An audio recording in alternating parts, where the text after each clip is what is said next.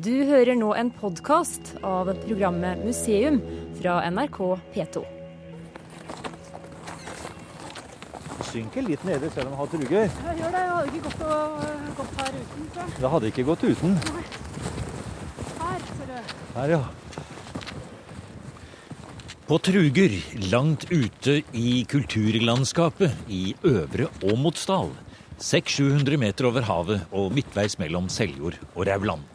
Hit har vi kommet med arkeolog Åsne Dolve Meyer fra Telemark fylkeskommune.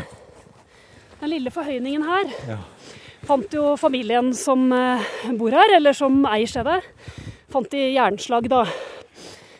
Eh, Og det kan jo bety at, eh, at det har rent ned fra litt lenger oppe her. At, at man har hatt jernproduksjon oppe på den lille høyden de står ved nå. da. Nettopp. Og det ligger også ei kølgrop på brinken borte ved trærne her. For det når du sier det kan ha vært eh, produksjon både av kull og av jern, fortell litt om hvordan man gjorde det i utmarksområdene her. I forhold til dette med myrmalm. Ja, eh, Myrmalmen den, eh, den tar du da ut fra myr, som navnet sier.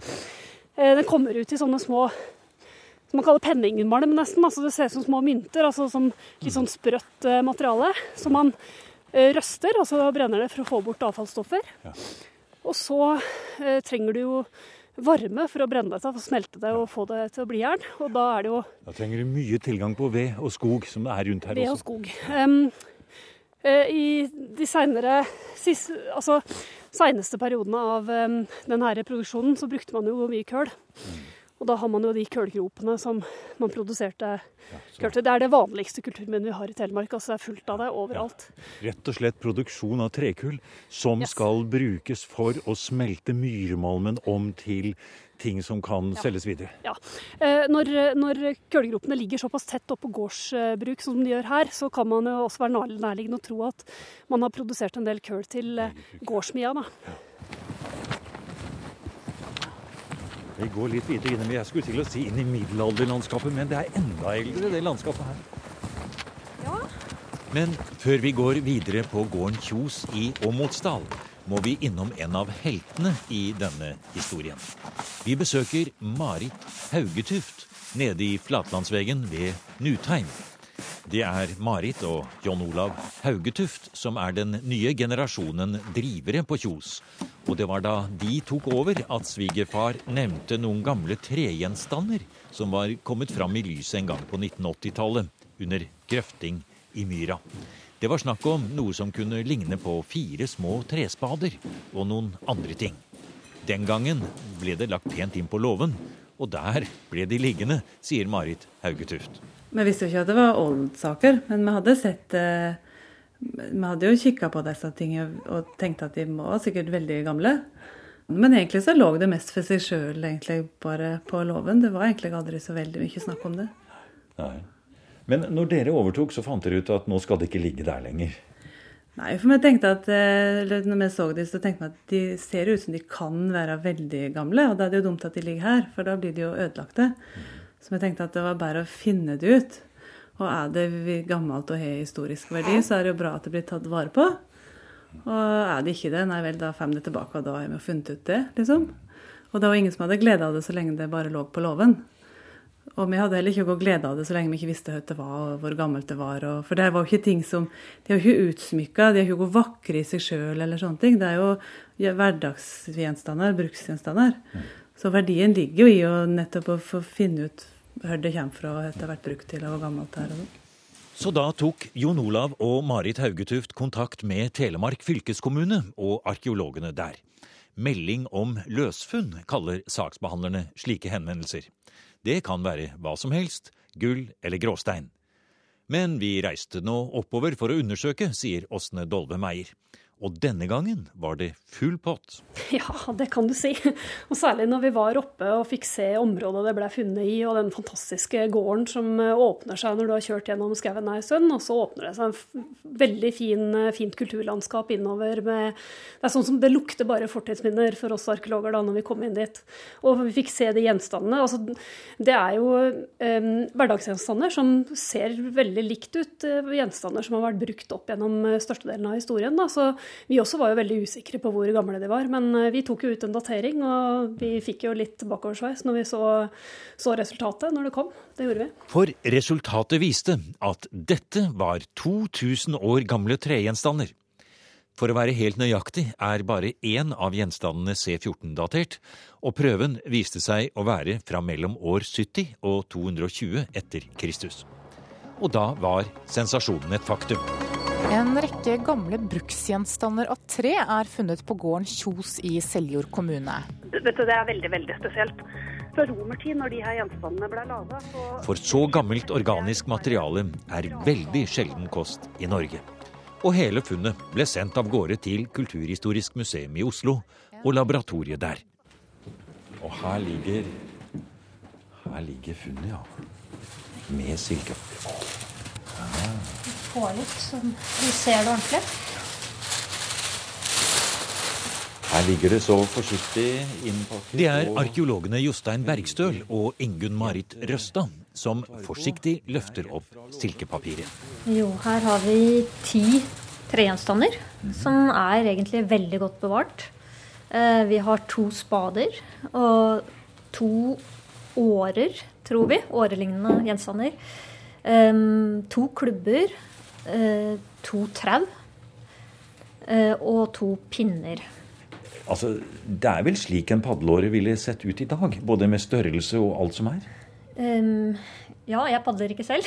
det er Jostein. så Ja, Jostein om ja, hva, hva sier du? Det ser, jo ut som, det ser jo ut som noen som har forsøkt å lage en vanlig padleåre. Ja, en kanoåre Ja. Uh, ligner det jo veldig på i, Ja. i størrelse. Så uh, den vil fungere fint i en kano i dag, den der. Men det er jo ikke sikkert altså Nå hørte vi Ingunn her, sa hun sier at det kan være to spader og to årer. Eh, det ser sånn ut, ja. Eh, hvis du ser på de to som ligger mm. bortest her, som vi har tolka som spader, så er de litt innhule i, i bladet på den ene siden Det er forskjellen, ja. og, og avrunda på den andre. Mens du ser på disse som, som man da tolker som årer, de er runde på begge sider. Også på de spadene så ser du mer noe som ligner på slitasje etter bruk. Ja, La oss eh, se litt på akkurat det. For det som tyder på slitasjen, det er ikke bare at det ser ut som det er på en måte brent litt på den nederste delen av, av eh, der hvor man har brukt den som skuffe, men det er også slitt av noen biter her og der. Nå løfter Jostein den opp og tar den fram. Vi kan se her på, på enden at uh, den har fått betydelig uh, slitasje av, eh, av å grave i, i jorda. Mm. Men når man sier spader, eh, så, så er det viktig å tenke på at det er ikke spader som i dag. Altså, Jernspader i dag har jo en avsats til å sette foten på og trampe hardt på for å få den ned i bakken. Spader fra så lang tid tilbake, de har enten bare rent i tre, eller kunne ha en liten skoning av, eh, av jern ned på enden. Derfor har de ikke den der avsatsen. Det vil bare ødelegge hele, hele spaden. da. Og, og så er de jo heller ikke så brede. Eh, og når du sier at vi ikke kan tråkke på den og sånn som vi gjør i dag, så betyr jo det at måten man brukte denne spaden på i sin tid, det var jo å rett og slett bare skyfle bort løsmasse. Ja, eh, det, det tror man. Og man kan kanskje ha brukt andre redskaper til å løsne jorda med. Altså til at, Si at du har en, en stor stokk eh, som du bruker som spett omtrent, altså, som du spisser og, og løsner eh, jordmassene, så kan du skifte det vekk med, med spaden. Men det er flere ting her, Ingunn. eh, Og jeg ser det ligger noen klubber der. Um, ja, det gjør det. De er lagd av ett stykke tre, sånn at en kvist er brukt som håndtak. Eh, to klubber, det er jo også Altså, de har vi veldig få funn av. Så Ja, og i og med at det er to. Går det an, Jostein, også, kan du løfte opp en av dem? Eller at vi kan ta den litt nærmere her? Du har, på, du har ikke på deg sånne hvite hansker, men du har på deg oppvaskhansker. Ja, blå plasthansker, ja. De er Ja. utmerket. Det vil ikke så mye fett fra hendene på disse Nettopp, det er klart. Ja, eh, beskriv denne, denne klubben som du står og holder med her. Den er i hvert fall brukt mye, det kan jeg se med en gang. Ja, og, det, altså så tenk deg at du har et tre på diameter på 10 cm. Mhm. Så går det ut en passe grein på 2 cm diameter. Ja. Da kutter du litt stammen, på oversiden og nedsiden av greinen, og så kutter du av greinen, så har du en ferdig Så har du eh, klubbe med håndtak. Ja. Ja, det gjelder å se etter emneved. Og det er det de har gjort som har lagd denne. ja, ja, de har gått ut og, og lett etter eh, et passe tre og bare sagd av. Eller, eller vi kan jo se hoggmerkene her, så den, den er hogd av med øks. Men uh, dette har nok vært sånn uh, altså, Det er nok ikke nødvendigvis et sånt uh, spesialisert redskap for én ting. Altså, dette kan brukes til, til, veldig mye, der du skal slå ned, slå ned ting i bakken eller hamre på et eller annet. Så, mm. Er det rester av noe ute på der hvor det er slått? F.eks. hvis det er slått mot jernslag, f.eks. Det ser ikke sånn ut med det blotte øyet her, i hvert fall. Nei, eh, foreløpig så, så, kan vi ikke se noe av det. Vi lurte jo på det siden dere har funnet noe jernvin i nærheten, om, om, det kunne være brukt i den forbindelse. Men uh, litt analyse av dette, her, litt studie i mikroskop og sånt, så, så finner man kanskje ut uh, noe mer om dette her. Undersøkelsene av det spennende funnet av de 2000 år gamle tregjenstandene fra Åmotsdal i Telemark har knapt nok startet. Jostein Bergstøl og Ingunn Marit Røstad er nøye med å understreke at foreløpig er det mer spørsmål enn svar. F.eks. denne spesielle mørke fargen, som kun er på nedre del av bladet på padleårene og spadene. Vi har jo spekulert på mye, altså f.eks. Eh, om det har vært brukt i forbindelse med tjæreproduksjon eller sånt. Altså Det finnes noen spader oppe i Trøndelag ah. som er funnet i nærheten av tjæremiler. Men problemet er at uh, vi kjenner veldig mange tjæremiler fra, ja, fra slutten av vikingtid opp i middelalder og inn i ny tid. Men akkurat hvordan tjæremilene så ut så, for så lenge siden, det vet vi ikke. Men se her, den er også spisset i enden. Altså, det er altså der oppe som man skal holde. Det er jo merkelig. Det er mange spørsmål knyttet til den der. Absolutt. Så, så det er jo derfor også vi må, eh, vi må virkelig sette oss ned Vi må få analysert hva det der mørke stoffet her ja. inneholder. Er det bare myra som har satt farge her, eller er det, ja, eller er det noe, noe som har vært brukt i noen form for produksjon? Ja. Det er jo ganske spennende. Og nå har vi altså da eh, fire årlignende ting. To av dem kan være eh, brukt til skuffer to klubber, to rester av store, kraftige trau. Og to altså pinner til å slå ned i bakken eller et eller annet stikke noe med. Hva i all verden er det som har foregått her? Ja, det, altså, det er jo påfallende at det er to av hvert også. Ja. Uh, så, så uh, da kunne man tenke seg noe nedleggelse av noe slag. Altså. Men vi vet jo samtidig også det at man har brukt myr til å legge ned uh, gjenstander for at de skal holde seg godt, ikke sprekke og, og sånt. Altså Ski ble i gamle dager lagt i myra over sommeren. Um, så skulle de holde seg fine, så ble de gravd opp til høsten igjen. Og, uh, ja, så, så, det kan ha vært lagt ned av en praktisk årsak. Og så har det bare blitt liggende, for de som har lagt det ned, de er borte, døde, eller de skulle ikke bruke det mer. Ja, det, det, det er en mulighet. Altså, en annen mulighet er jo selvfølgelig noen form for sånn ja, offer, offeraktig. Ja, det, er, det, er ikke, altså. det er det ikke. Men det er veldig lite typiske gjenstander for uh, en sånn type aktivitet. Altså. Men det er jo mye holdt jeg på å si, morsommere hvis det er bruksgjenstander vi står og ser på her. For så godt som 100% av alt gjenstandsmateriale som dere arkeologer arbeider med, det er jo knyttet til Eh, ritualer i forhold til eh, grav, eh, andre ting, flotte ting. Her er vi midt inne i hverdagen. Ja, absolutt. Det er jeg helt enig i. Det er hverdagsgjenstandene. Og det, det, kjenner vi jo så lite til, egentlig. Fordi de vanligvis blir borte. Alt av organisk materiale er borte når vi graver ut, som regel. Så det er jo kjempemorsomt. Det er jo det som kanskje gjør dette her så spennende som det er. Ingunn Marit Røstad peker på noen bilder i antropologisk litteratur, bl.a. fra Ny-Guinea, hvor spader og graveredskap i bruk blant stammene der minner veldig mye om funnet fra Åmotsdal. Dette er en klassisk form, kanskje en måte å lage spader på som går langt tilbake i tid, sier Røstad. Men av norske funn finnes det bare noen ytterst få. Vi har, eh, altså De funnene vi har eh, av bevart tre i våre samlinger eh, fra jernalder altså en, Da snakker jeg litt lenger spenn. Da snakker jeg fra 500 før Kristus til til og med vikingtid. Mm -hmm. rundt 1050 etter Kristus. altså, de er bevart. Grunnen til at vi har de få gjenstandene vi har, det er at de enten er funnet i myr eller er funnet eh, i forbindelse med, med snøfonner oppå fjellet, som nå har smeltet ned. i senere år. Uh, og da har vært og da har de jo ligget dypfryst? Ja, ja. og det er grunnen til at de er så bra bevart. Uh, og så har vi også noen funn fra de to store skipsgravene ved Oseberg og Gokstad pga. blåleira. De er jo spader, det òg? Ja, det er spader bl.a. Mm. Så det er derfor vi har litt de er jo i hvert fall en tre, fire 500 år yngre enn disse, da? Ja, de er det. altså. Men uh, det er allikevel morsomt å, å sammenligne. Så når vi snakket om formen her nå, uh, så ser vi at de ligner ganske mye på noen av spadene fra Oseberg og Vokstad bl.a.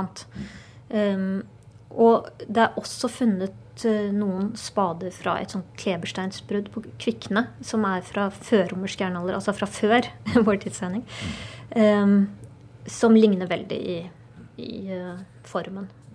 Men det var jammen ikke mange gjenstander du nevnte nå. Og de hadde et tidsspenn på nesten 1000 år, hvis vi tar med alt sammen du nevnte nå. Mm. Eh, og det bare understreker vel hvor sjeldent dette er. Ja, det er veldig sjeldent i norsk sammenheng. Eh, er det det. Så det er jo veldig morsomt. Mm. Dette med jernproduksjon, som vi vet foregikk på denne gården. Eh, Kanskje ikke på samme tidspunkt. Det, så nøye datering som Ingunn sier, det kan vi ikke si med sikkerhet. Men vi vet at det har foregått eh, produksjon av myrmalm der, og, og jernproduksjon. Kunne dette ha vært brukt i en sånn sammenheng? Ja, både klubben, spadene og trauene kunne veldig godt ha vært brukt i, til jernproduksjon. Mm. Nå er det det at den ene spaden her er datert til, to, til eldre romertid. Mm. Og um, jernvinna i eldre romertid den ligger veldig mye mer sentralt nede i sentrale dalområder. Uh, veldig nært til, til, de større vannene og sånt. Mm. Uh, mens yngre jernalders uh, jernvinne, den er ute i utmarka, sånn som dette her. Mm. Sånn at Foreløpig så tror våre jerneksperter her hos oss at uh, den jernvinna som er i nærheten der, den er yngre enn dette her. Men, men, fremdeles er det fryktelig mye av dette som, som vi ikke vet ennå. Altså. Uh, vi vet at dette er funnet ganske samla, og da tenker man med en gang gravd ned i myr. Men vi vet at myrene har vokst siden den gangen. Uh, det kan ha vært et lite skjul, det kan ha vært et lite ja, en eller annen liten bygning eller noe sånt man har lagt nedi, eller som, som, har, som har forsvunnet. Og hvis jernvinene og de jernproduksjonsstedene i, på Kjos gård der, hvis de også blir undersøkt, så kan man kanskje finne ut litt mer om det er sammenfall? Ja, det, det skal være ganske enkelt å få, å få datert en jernvinner, fordi at slaggen er så karakteristisk i de ulike periodene. Så når vi, når vi får en prøve av den slaggen fra nærområdet, der, så kan vi se om den er 1000 år seinere, eller om den kan være samtidig. Og så er det jo så fint her oppe, Jostein. Så det høres ut som dere bør ta oss og reise opp på litt feltarbeid der. ja, det er jo noe av det aller gøyeste med jobben, det er å komme ut og få sett på disse her stedene. Så. Jeg tror det med en uh, metallsøker så har man nok funnet mye uh, slagg etter jernproduksjon, tipper jeg. Nettopp. Nå har vi kommet litt bort fra selve gårdstunet. Men vi kan se på landskapet her åssen det er her er vi tilbake på de snødekte og slake liene rundt Kjos gård øverst i Åmotsdal, hvor funnet av de 2000 år gamle tregjenstandene ble gjort.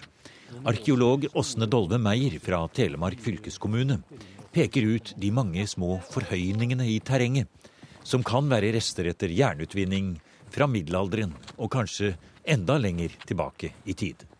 Men mest typisk for de gamle fjell- og utmarksgårdene er det flotte landskapet som skapt for god, naturlig drenering. Litt lenger oppe så er det jo fjell, mens akkurat her så er det jordundergrunn. Og også um, helling, da. Altså at det ligger i li, lier, at man har hatt åkeren sin der. For da er det mye lettere å, å dyrke jorda, da. Du slipper uh, du slipper alt dette her med vann som samler seg og som drukner avlingen din og sånn. Ja. Så de eldste gårdene de ligger, de ligger opp etter liene, sånn som dette her i Telemark. altså. Nå har vi altså gått oss tilbake igjen til romersk mm. jernalder. Eh, og da er vi på i de første århundrene i vår tidsregning. Og det er jo ikke helt sikkert da åssen at det var like avsides som vi føler at vi har, har kommet nå, da. For nå, nå, har vi virkelig kjørt oss langt av sted uti. Nei, det er ikke helt sikkert. fordi eh, gjennom den eh, dalen vi nå har kjørt for å komme hit, og, eh, og, her vi er, da, så kan det godt ha gått en ferdselsvei før i gamle dager, som har gjort at dette her har vært, en, eh, vært et litt eh, mer sentralt sted enn det er i dag.